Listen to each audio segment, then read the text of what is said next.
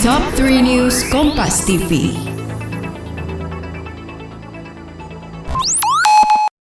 Halo sahabat Kompas TV, saatnya kita update 3 berita terpopuler pada hari ini, Kamis 21 April 2022 bersama saya Karisma Ningtyas.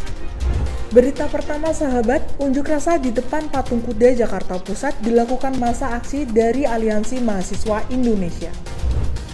Dalam unjuk rasa ini, masa menyampaikan tujuh tuntutannya, mulai dari penolakan perpanjangan masa jabatan presiden tiga periode, hingga meminta pemerintah menurunkan harga BBM dan sejumlah kebutuhan pokok.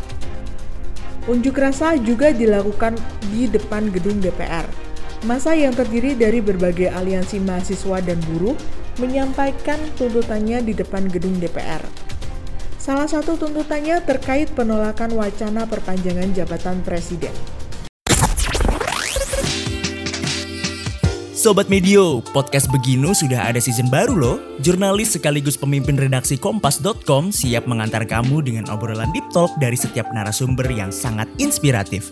Mulai dari cerita kesalahpahaman, kesialan hidup, dan bahkan penolakan dari masyarakat bakal terungkap langsung dari bibir tokoh-tokoh terkenal. Makanya, jangan sampai ketinggalan setiap episode terbaru podcast Beginu Season 4 setiap hari Senin dan Rabu pukul 3 sore hanya di Spotify. Oh iya, jangan lupa juga untuk follow dan beri rating podcast Beginu ya. Stay tune terus. Bersama saya Wisnu Nugroho, inilah Beginu. Bukan begini, bukan begitu.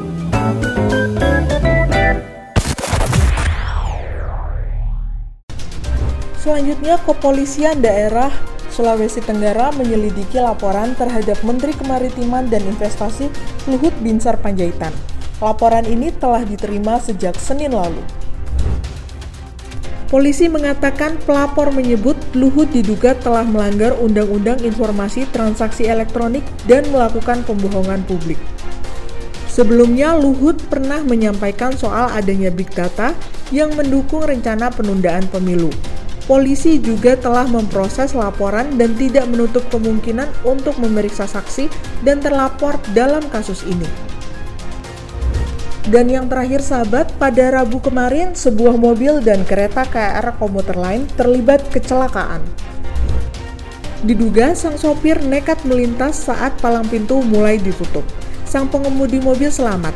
Korban mengalami luka ringan akibat pecahan kaca. Menurut keterangan sopir mobil, saat berada di perlintasan, korban tidak mengetahui jika ada kereta yang melintas.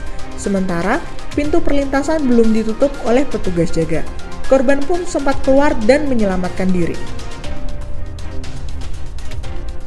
PT Kereta Api Indonesia akan melaporkan dan menuntut pertanggungjawaban pengemudi mobil yang nekat melintasi perlintasan di Citayam, Depok, Jawa Barat. PT KAI menilai kejadian kecelakaan dikarenakan kecerobohan pengemudi mobil.